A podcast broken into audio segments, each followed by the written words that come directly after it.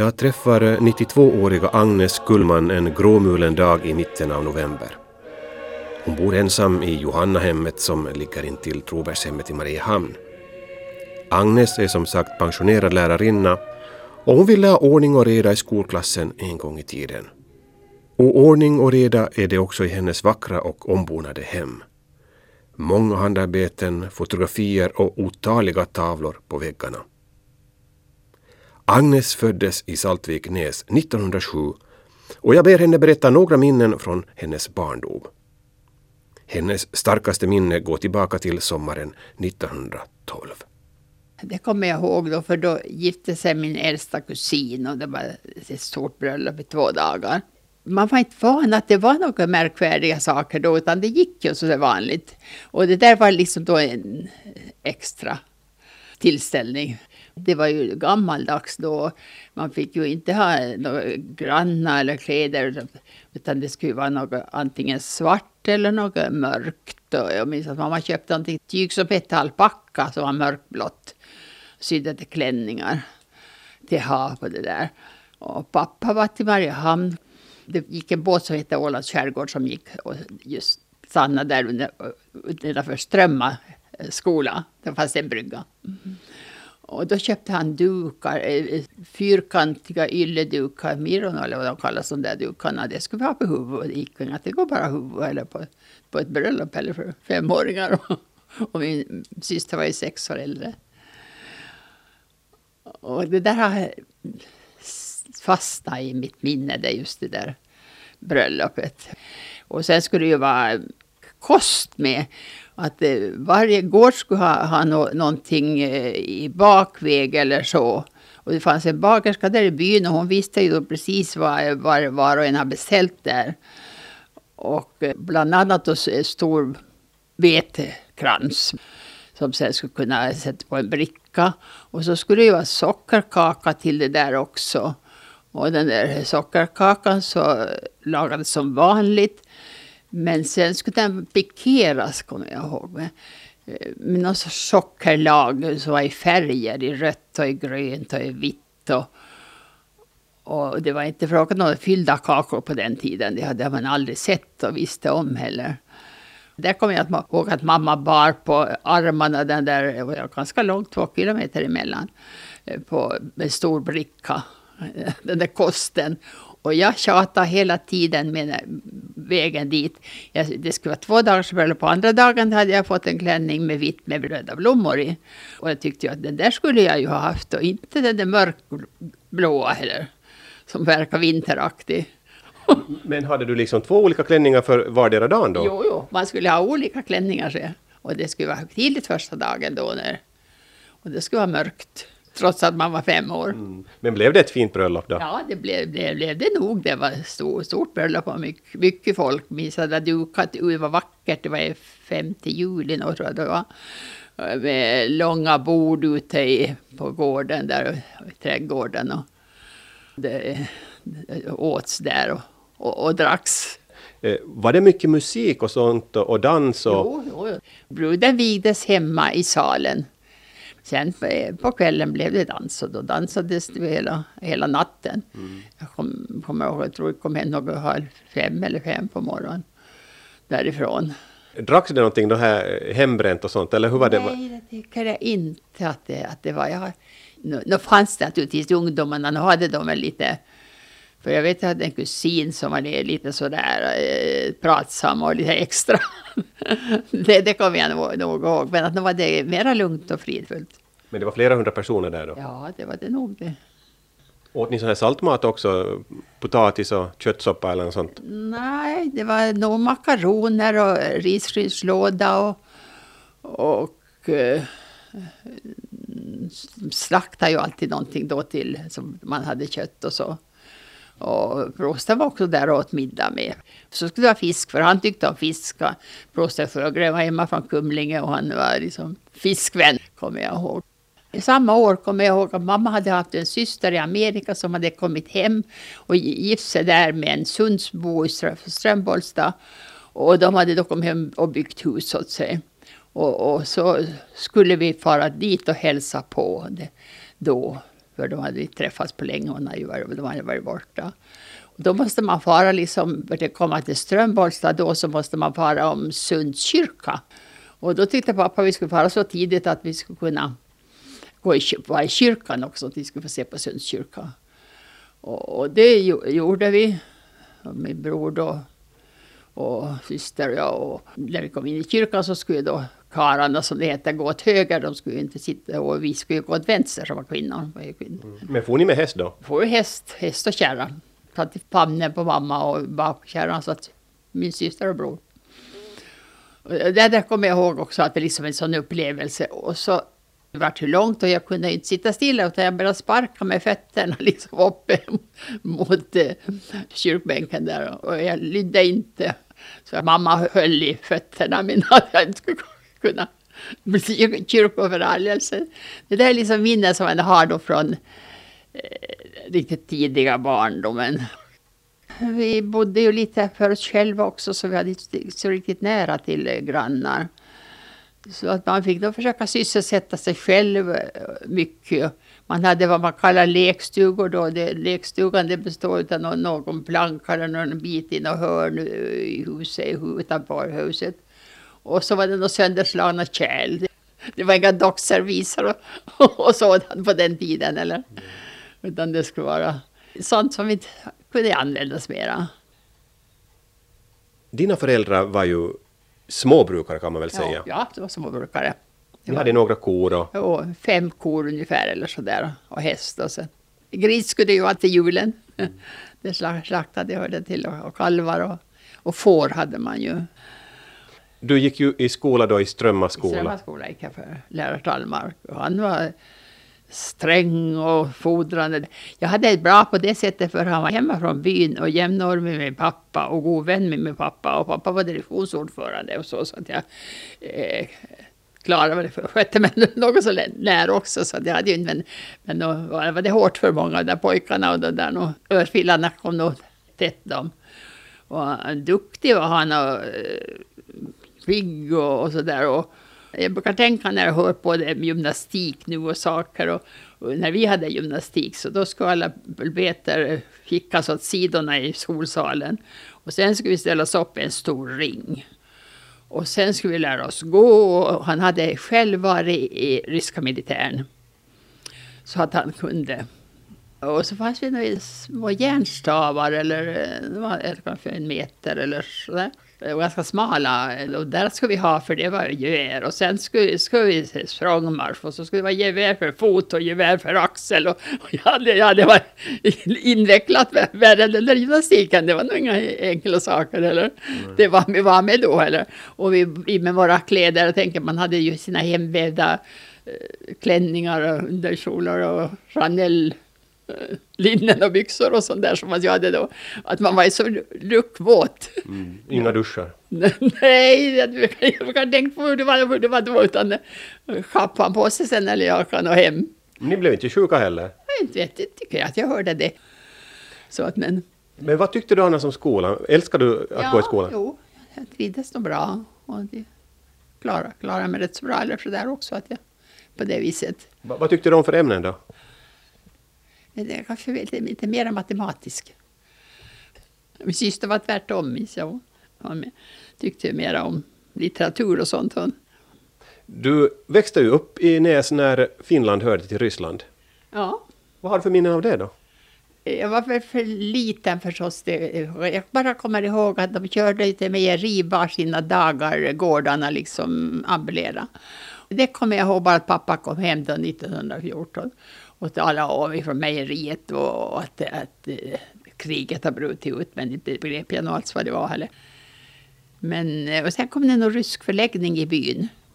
Och, och, vi hade höns, mycket, mycket höns kommer jag ihåg, 50 stycken det var jag, mycket på den tiden. Och de kom och köpte ägg mycket det där. Det finns en eh, kock eller vad han var för eh, de så kallade kaptenerna, det var några löjtnanter eller sådär, så de hade, bodde liksom privat i en bondgård. Han kom, han kom mycket dit och lärde sig väl lite några svenska ord också.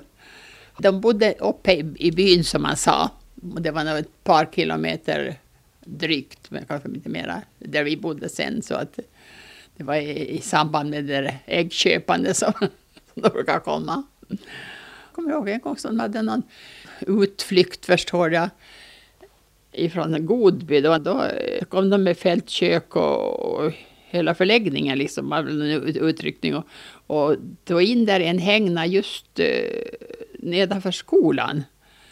Och då kommer jag ihåg att de kom till oss de där, eh, och ville köpa mjölk. Och, och, pappa försökte väl diskutera och de hade fram kartboken och skulle visa var de var hemma ifrån. Och de var från så olika platser. Nizjnij Novgorod var en ifrån och någon var nerifrån där mot Kaspiska, Svarta havet. Och, och, eh, och någon var också nog här mera, mera norr, norrut. Sen på kvällen hade de någon sorts uppvisning, vi var dit på, kvällen sen och såg på dem. Och de dansade och var ja, verkligen skickliga. Sjöng också. Sen försvann de igen dagen efter. Så småningom skulle du börja utbilda dig till lärare. När gick det upp för dig att du ville bli lärare? Jag vet inte. Det var väl att genom min syster gick i folkhögskolan eh, 21-22. Det var Theodor Bertell som var föreståndare där och Fanny Sundström var husmor. Och då ivrade de för att hon skulle fortsätta att läsa. Så eh, Bertelsen hade väl liksom hand om det där att hon fick söka in till seminariet och, och kom då dit och for då. Och så blev du intresserad? Ja, det var väl där, därigenom sen som jag på något sätt då, eh, hörde henne berätta och så därifrån när hon var hemma på jular och, och somrar. Det var inte komma emellan något annars på något sätt då, utan man, när man for 20 augusti började solen alltid så var det till eh, jul fick man komma hem. Mm. Sen 10 januari började det. Det måste ju ha varit väldigt ovanligt att en åländsk kvinna på landsbygden utbildade sig till lärare på den tiden. Ja, det kom det bara sådär. På Åland var det ganska ovanligt då efter kriget, så att eh, hon var väl egentligen den, den första på sätt och vis, eh, min syster som kom. Det hade varit en från Degerby förut som hade gått mellanskolan här och hade då dimitterats, eh, dimitterats för samma vår vi var sex stycken på min klass ålänningar sen när vi kom. Mm. Men dina föräldrar, tyckte de att det här var helt bra för, för din del att du skulle bli lärarinna? Ja, mamma tyckte det var, var mera än pappa. Pappa tyckte att det var lång tid och osäkert sen och, och så där vidare. Han var he, hemmamänniska. Men mamma, mamma tyckte att kan man komma att man kan klara sig själv så är det, så är det bra, sa hon alltid. så du kom att tillbringa fem år i Ekenäs ja. då? Det har, har, man varit. Och då fick man ju vara där hela tiden förstås. Utan, utan på jularna fick man, var det ju julledigt. Hade du hemlängtan? Eh, första terminen. Jag, tyckte det, seminariet låg lite på sidan där och det var, fanns fullt med ängar där och, och åkrar. Och jag tyckte nog när de höll på att tröska att ja, nog skulle det varit trevligare att det var hemma och tröska än, än att vara här. Men att det är väl hör väl till när man är första gången borta. Men var kompisarna fina där i skolan sådär då? Ja, det ska jag nog säga. Jag har många goda vänner som jag har hållit ihop med så länge. Vi sympatiserar kanske mer med österbottningarna eller om det var det att vi var eh, långt borta då. Än nylänningarna på något vis. Kanske var, ja, var mera försigkomna de och, och så vidare. Vi var väl mera, mera, mera bondmänniskor vi. Jag kommer ihåg att en sånglärarinna var riktigt rysligt sträng. Och stygg skulle jag säga också. Och hon läste nog lagen för oss. Jag kommer ihåg en gång som hon var så himla arg att det, och här kommer ni ifrån landet och ska kallas fröknar och ni ska spela piano. Ni vet inte hur ett piano ser ut eller vad det var vid era spinnrockar och tröskverk. sa det var nog riktigt... Det, var ganska fräckt. Jo, fräckt. Jag, jag hade en sidokamrat var från eh, en Ines från Pedersöre. Och fick så näsblod så hon måste ha varit så arg att hon inte kunde liksom behärska det riktigt. Så, annars var det nog trevliga lärare. Men sen blev du färdig då 1931? Jo. Och så kom du till Åland och fick en tjänst i Haraldsby. Ja, jag var ett vikariat där, så jag var i Haraldsby, var första tjänsten det som jag hade. Var det trevligt där? Mm, ja, no, inte ska jag då säga annat. Det var ju över 40 elever på fyra klasser. Så det var ju nog arbetsamt på det sättet. Det var inte som en vanlig riktig bondby heller, utan den, eh, de hade ju haft tegelbruk och såg där och, och så vidare. Så det fanns ju mycket arbetarfamiljer och så. Jag får ju alltid hem över eh, på lördagar. Lördag eftermiddag, man hade ju skola på lördagar då också. För jag har aldrig varit med om att, eh, att ha lediga lördagar. Så att, ja. Men det som jag tycker är intressant med den här tiden är ju det att Färgsundsbron existerade inte då när nej, du kom till Haraldsby? Nej, nej, nej det var, var fär, färjan då. Hur såg färjan ut då? Det var som en båt egentligen den där.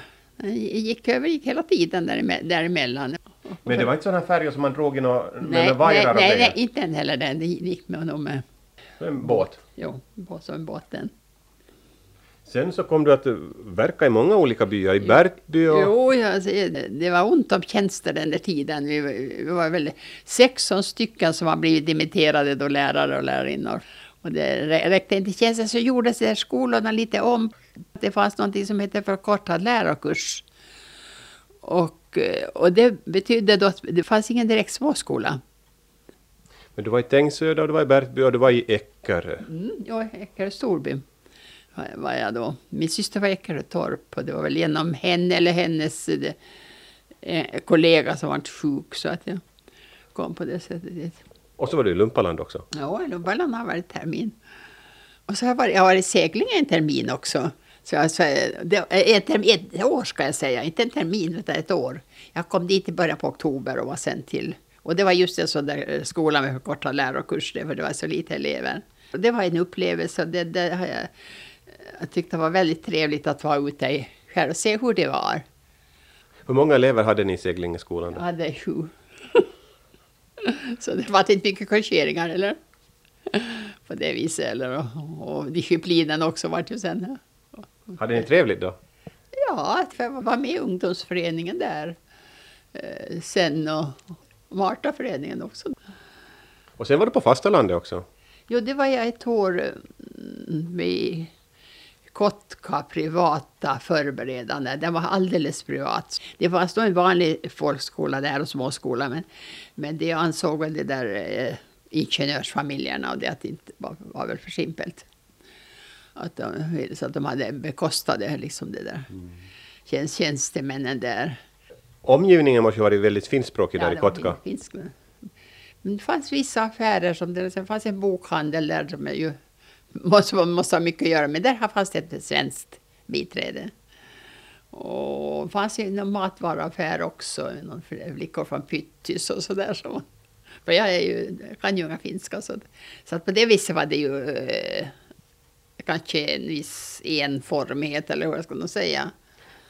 Det var på bio man kunde gå då. Var det jobbigt att inte kunna finska då? Blev ja. du liksom eh, trakasserad för det på något nej, sätt? Nej, det var det inte. Det ska jag inte säga heller, nej. Men så småningom så landade du här i Mariehamn ja. och där blev du sen så småningom. Jag blev, jag blev här. Jag var här en gång en termin förut när eh, Åsa Berg föddes, eh, Lärarbergs dotter. Och sen var det efter det då som jag liksom blev känd här eller så, så att jag vart uppmanad att söka sen. Alltså. Och 41 kom du hit? Jo. Och då var vi trångbodda, riktigt ryssligt, där i Unkan som de talar om. Där. Jag var uppe i övre våningen i i, på läktaren som det heter. Det har ju varit kyrka också. Jag var fem år där uppe. Jo, jo det var trångbott, riktigt besvärligt. Vi var, Betania var en och, och klass och i så har Pingstkyrkan då som hade sin lägenhet, lägenhet där på västra sidan. Det var, var en klass och i församlingshemmet var en. Och, och skolköket var i lyceets skolkök. När, när de talar om trångboddhet nu så brukar jag tycka ibland att de skulle nog ha varit med. Och jag har förstått att alla stora fester måste ni ordna jo, i Stadshuset? Jo, Stadshuset hade julfesterna då. Det, det, det fanns inga möjligheter. Och när man skulle till Stadshuset, för då pågick ju alltid det där landstinget, vet jag. I slutet, och man skulle dit och öva. Man måste ju öva också mycket med just färgprogrammen. Mm. Teater hade ni väl? då? Jo, jo, teater och tablåer och, och dans, danser och allt möjligt. Så. Men det blev väl bättre sen när Jo. det här lågstadiet och mellanstadiet blev klart? Jo, jo. Ingvar Livendal och jag var de som flyttade upp först. Med en trea. Jag minns en flicka som sa när hon kom, då, och då var bara vad vi kallar småskolelängan, den sö södra delen av skolan. Och, och, och hon sa, det är som på ett sjukhus där, sa hon. Det. Det var korridorer och, och det, det, var, det var kanske ett ganska besvärligt år. För det var bara cementgolv. Det var inte färdigt. Och det, det cementgolvet, om det skulle vara slätt, men det var ungefär som här utanför. Med knölar och, och, och dammigt och ont om Peter. Krigstid var det och det var besvärligt. Så det var nog en, en, en hård tid. Och det cementgolvet måste ha tidningar vi att ha fötterna på. Och stora fönster. Och in någonting till täcka dem för på våren. När jag tänker på det så var det nog mitt, min värsta år där. Men det var så hett, det var så hett, det var så hett. Så att, och man hade en kartställning och det försökte man sätta på en karta för ett fönster, men det var bara ett. Det här var visst i slutet av 40-talet. Ja. Idag så talar man ju om att det är för stora klasser. Hur, hur stora klasser hade ni på den tiden? Hur många elever i varje klass? 29 hade jag i, småskolan. Men sen, upp till 40 måste vi ha i högre skolan. Det är väldigt mycket det. Då- den tiden var de ju inte alls förberedda på det sättet. De kom ju inte från några lekskolor utan de kom direkt hemifrån. Men eh, trevligt var det. Trevliga var de, det måste jag nog säga, de där barnen. Vi- Vilka barn tyckte du var allra roligast? De här nya ja, som kom? var de små naturligtvis. Då. Och det var ju krigstid och de, ja, de an, anförtrodde allt möjligt. Och mamma hade vitt kaffe, det var orostat kaffe och allt möjligt sånt där som var eh, trevligt som de vill- ville berätta mm, för lärarinnan. Hurdan lärare var du då? Hurdan, hurdan typ av lärare var du? Var du sträng eller var du snäll? Eller? Jag tror nog jag var mer sträng. Jag hade väl fått ut Tallmarkska andan i mig. Jag, jag, tyckte, jag ville nog ha tyst då. Och att de skulle höra på och se. Så du hade bra ordning i klassen? Jag tror det. Jag vet inte, jag kan ju inte bedöma det själv, men jag tycker nog... Men, men du, du skrämde inte bort eleverna inte? Mm, Nej, det tror jag inte ändå heller. Att jag gjorde. Men det var ny, nypt i öronen nu. Hade du inte nytt dem i örat? Jo, det har jag, nog, har jag nog gjort. Det jag känner jag nog det. Det har jag gjort. Så. Mm, kan ju retas också så i den där åldern. Och inte höra vad man säger. Du, du jobbade ju sen som lärare fram till 1969 visst? Jo. Det betyder ju att en stor del av eh, höjdarna i samhället har gått i skola för dig. Så du Ja. måste ju känna väldigt många av de här eh, människorna som är i mak- vid makten nu. Ja, en del förstås. Jo, Kommer du ihåg många elever? det gör jag nog. eh, Må, må, många. Men sådana som du minns med glädje liksom. Eh, Kommer det upp några namn? Jo, det kommer jag nog. Jag vet inte om jag vill torrföra dem heller. Nej, men du har i alla fall. Jo, det har jag nog det. Det blir väl favoriter fast man ju inte får, ska väl få ha det. Är det sådana som har kontakt med dig ännu? Jo, det är det nog. E- En del. De ringer eller? Jag kommer, och kommer på besök. Och så pratar ni gamla minnen då eller? Ja, nya med. De har ju ny- nytt de till komma med. Så de ko- kommer nog de och, och varit på mina födelsedagar och så där när jag fyllt något jämt. Men upplever du att eh, för dig var lärarjobbet ett kall eller, eller hur hur upplever du det? Ja, jag skulle nog säga det. Att det var nog det. Har du fått mycket respons då, tycker du, från eleverna? Ja, många så. Jag fått. Jag fått ja. kan, inte klaga på det. Eller, ja. Var de hungriga på att få lära sig? Nå, inte alla heller. men, en del var ju det. Det var ju då när man ju hade dem, eh, till exempel ifrån ettan och till fyran så skulle de, så skulle de prepareras för lyceet. Det gällde ju det. Och, det var en mamma som sa på avslutet, jag tog nog inga blommor med för jag skulle se om min pojke skulle komma in först i lyceet. Jag visste att han skulle komma in så jag, blommorna har jag nog inte sett ännu men att, det är länge sedan nu. Kunde det vara svårt det här eh, kontakterna med föräldrar ibland också? Ja, in, i det stora hela kom jag nog ganska bra. Det var, väl, det var väl något som man måste stanna som man gjorde då. Då, Var, vart var man och fick man väl veta vad man dugde till. Det var inte, det var inte så roligt inte? Nej, och det var inte, det var inte roligt för den heller som skulle, som skulle skriva kvarstannat på. Vad tycker du själv att var det roligaste med att vara lärare? Jag vet inte om jag skulle kunna svara på det riktigt heller. Har du ångrat någonsin att du blev lärare? Nej, det har jag aldrig. Så det var rätt val? Ja, var det nog. Jag har ju inte provat något annat men att jag, jag verkligen trivs med det. Men det blev inte en formigt ändå liksom att år ut och år in dra samma saker? Ja, nej, det var, det var nya människor. Eller nya barn som skulle, som skulle läras. Som inte kände till det.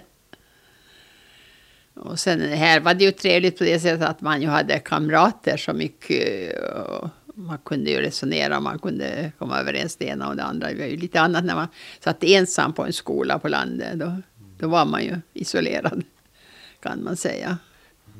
Du blev alltså pensionär 1969. Ja. Var det konstigt att uh, bli pensionär då och lämna skolan för gott?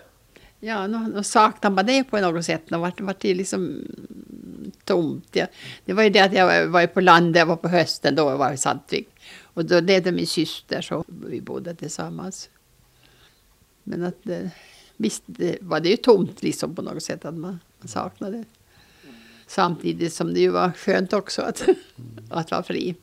Du har ju inte haft någon egen familj på det sättet Nej. då? Så du, du, du hade bara dig själv att tänka på ja, då? Ja, min syster levde då när jag var pensionerad. Men hon dog sen eh, 77. Så. Men vad, vad började du syssla med istället då? då? Min syster hette Anna Cecilia och, och jag kommer ihåg att vi flyttade Cecilia dagen, det var 22 november. Så flyttade ni till stan? Jo, så det var det länge. Och vi var alltid där över allhelgona så att vi lagade gravarna då, föräldrarna så, och min brors och svägerskas där. Så att vi var, var sent där, där och det var på ett, på ett lite annorlunda sätt. Jag vet inte, jag vädde mattor och klippte mattor och andra Och lite, lite trädgård nu, nu är det ju vuxit fast tyvärr så att nu är det... Mm. Men du har gillat handarbete? Jo har jag gjort då, på, det, på det sättet. Och det ser man här i lägenheten, det finns lite virkat och grejat och du har mycket sådana här hemlagat här. Ja, det är väl alltid väl hemlagat. Sysslar du fortfarande med handarbete? Nej, jag vill, nu vill jag inga. Jag vill inga. Det är inga roligt alls numera. Nej. Och så är det väl det där också att jag, jag behöver ingenting nu. Jag vet att eh, jag, jag ger bort nu istället. Man trodde ju inte att man skulle leva så här länge, det måste jag nog säga. Jag kommer ihåg när min syster dog, jag tänkte, tänkte att ja, ska jag nog leva fem år efter det här. Hon då 77. Du är 92 år och blir snart 93. 93 ja. Tobelidagen. 14. Men känns varje ny dag som en gåva och ett äventyr fortfarande? Eller, eller mm, hur blir det? Nej, kanske inte riktigt. Naturligtvis jag är jag att jag är så pass eh, duktig, eller vad ska man använda för ett ord, som jag är. Att jag eh, kan klara mig själv, jag vet nog lite vad jag gör och, och så där vidare. Men att inte det är väl precis samma sak, eller man är liksom trött på ett sätt också. Så att man, ja, helst tar, jag med till en tidning och läser eller lite hushåll har jag. Och för att jag tycker att det är bra att annars blir man sitta i en stol bara. Men att det, det blir inga vidlyftiga matlagningar nu heller. Det blir inga köttbullar och ärtsoppa och köttsoppa. Och dessutom finns det så mycket färdigt och halvfärdigt. Mm. Så man har ju bara att värma.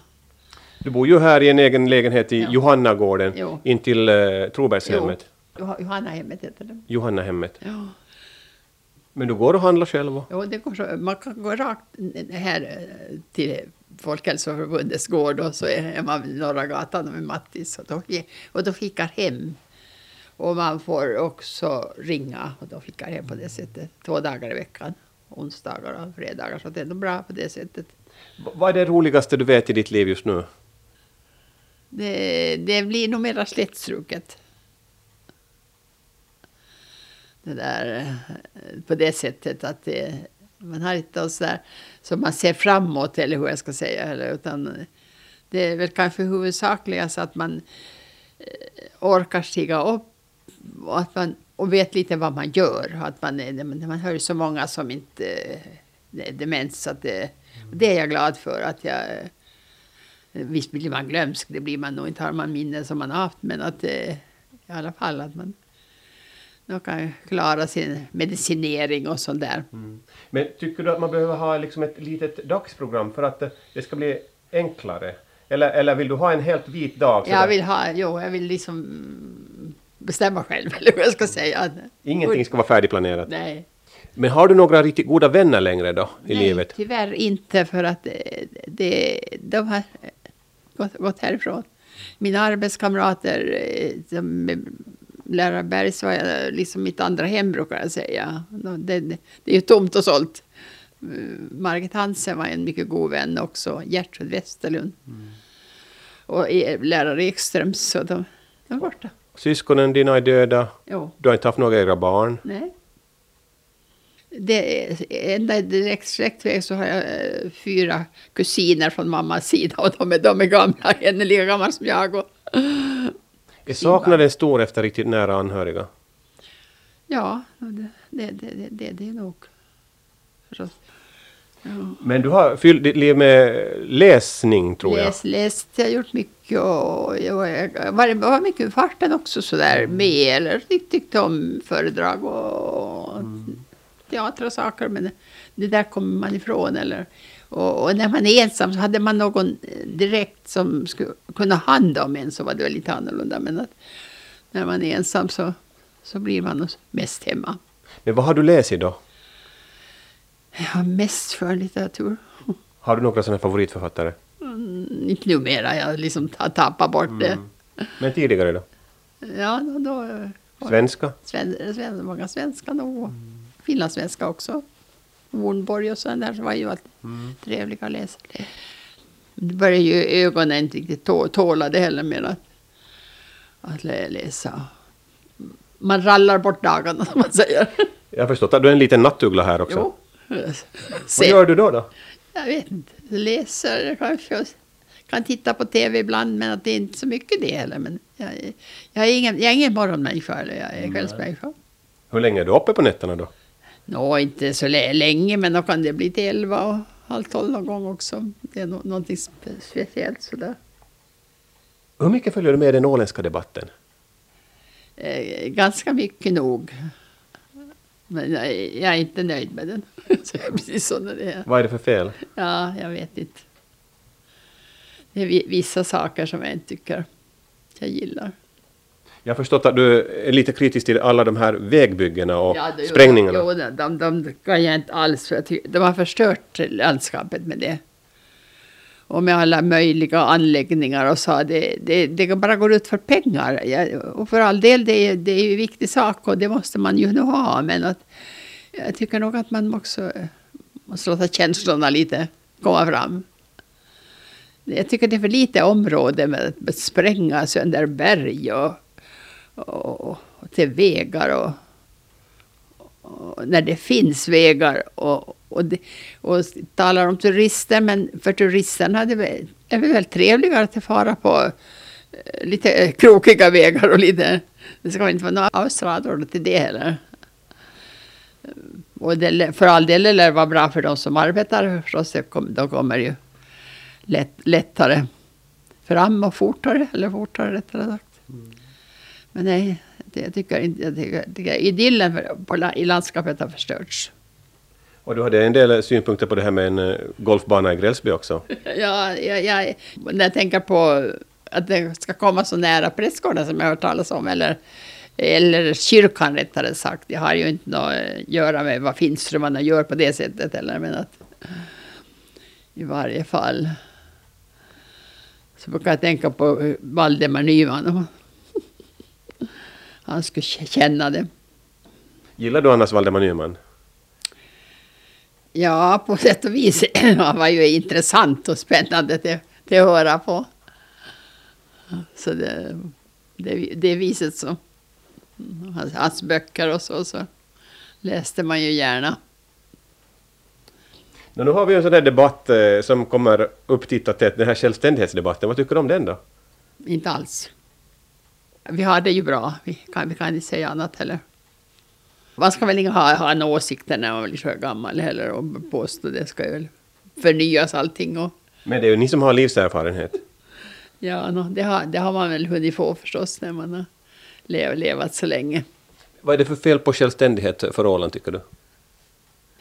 Jag tycker vi har, haft, har det så bra som vi har det. Jag tänker också på tryggheten. Man vet ju inte. Då ska det väl bli flera krig i världen ännu då. Inte väl färdigt med det här heller. Jag tycker det är liksom risker med det, men jag vet, jag vet inte. Åsikter måste man ju få ha. Mm. I alla fall ändå. Nu har vi ju ett millenniumskifte i antågande. Ja, Om eh, fem veckor, sex veckor blir det. ja, ja. Vad säger du om hysterin kring det då? ja jag vet inte. Det, det är så mycket som... Ja, det är för gammalt uttryck, men jag måste lå- måste låta andra, yngre människor Men nu måste det vara lite spännande ändå för dig också att eh, uppleva det här. Ja, no, det är klart att det är. Hur, hur ska du fira det då? Jag har inte tänkt på det. Nej. Kommer den dagen. Och när man är så gammal så vet man inte heller hur många, många dagar man har kvar. Det kan vara år och det kan vara... Men, men lever man då som varje dag skulle kunna vara den sista? Är det, Nej, nej, det gör man ändå inte? nej det tror jag inte heller. Nej. Lite framtidsplaner har man i alla fall. Ja, no, det, det har man ju, måste, man, måste man ju försöka ha. Ja. Fast då blir de ju kortare och kortare de där framtidsplanerna, det måste man ju nog, nog säga. Jag är ju nöjd med sitt liv. Man har, Du känner det? ja, jag tycker att det är på det sättet att inte ska jag klaga. Var nå, någorlunda frisk och det är ju mycket värt. Också, Det är väl kanske det viktigaste? det. ja, skulle jag säga.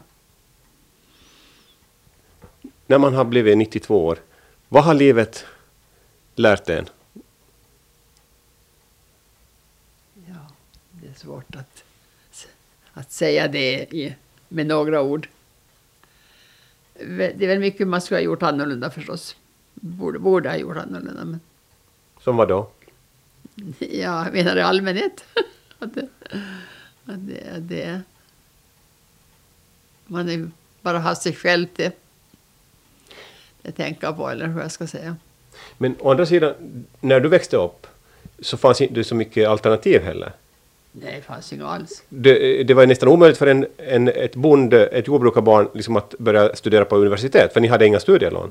Nej, nej, nej. Och, det var, och man, då, då skulle man ju haft eh, studenten bakom eller lyceet och det ställde sig ju dyrt det. Och det hade du inte. Nej, det fanns ju det, det möj- möjligheter. Det, var, det var lärarbarnen då i socknen och, och prästen som, som studerade. Men, men alltså när ni gick i seminariet så hade ni, eh, ni hade möjlighet att få något understöd då? eller? Nej, nej, nej. Vi, vi, bekostade det själva nog. Men jag menar att ska man först ta studenten och sen fortsätta så det Det blev dyrt. Jo, nu går ju, har ju alla möjligheter till det. Och det är ju bra det, det är ju bra tycker jag.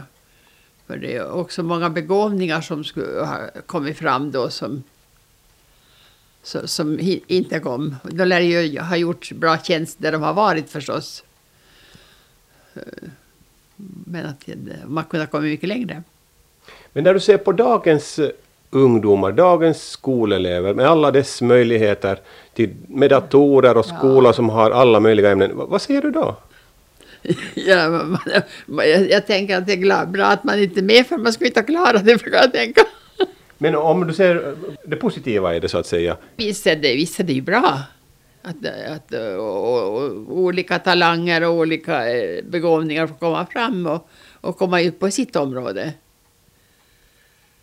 Det fanns ju inte den, de möjligheterna förr heller. tror du att man kan bli lite hispig nästan när det finns så många möjligheter? Så, så barnen vet idag inte vad de ska välja för det, det är så mycket Ja, olika möjligheter. ja, Att de blir villrådiga. Det, det, det kan jag nog hålla med. Det blir föräldrarna mycket som får rycka in. Skulle du vilja vara ung igen och börja från början? Känns det på? Nej, det har jag aldrig tänkt. Jag har aldrig tänkt på det heller, att det skulle vara så. Att jag, jag lever mitt liv eller lever det så det. Ingenting går att ändra liksom. Nej. Får vara glad, vara någorlunda frisk och, och sådär. Haft arbete. Och arbete har jag, har jag tyckt om. Jag, jag måste säga det att jag jag tyckte om, tyckte om barnen och, och, och undervisningen. Har du upplevt liksom att skolbarnen har varit lite, lite grann också dina barn ibland? Ja. En del så.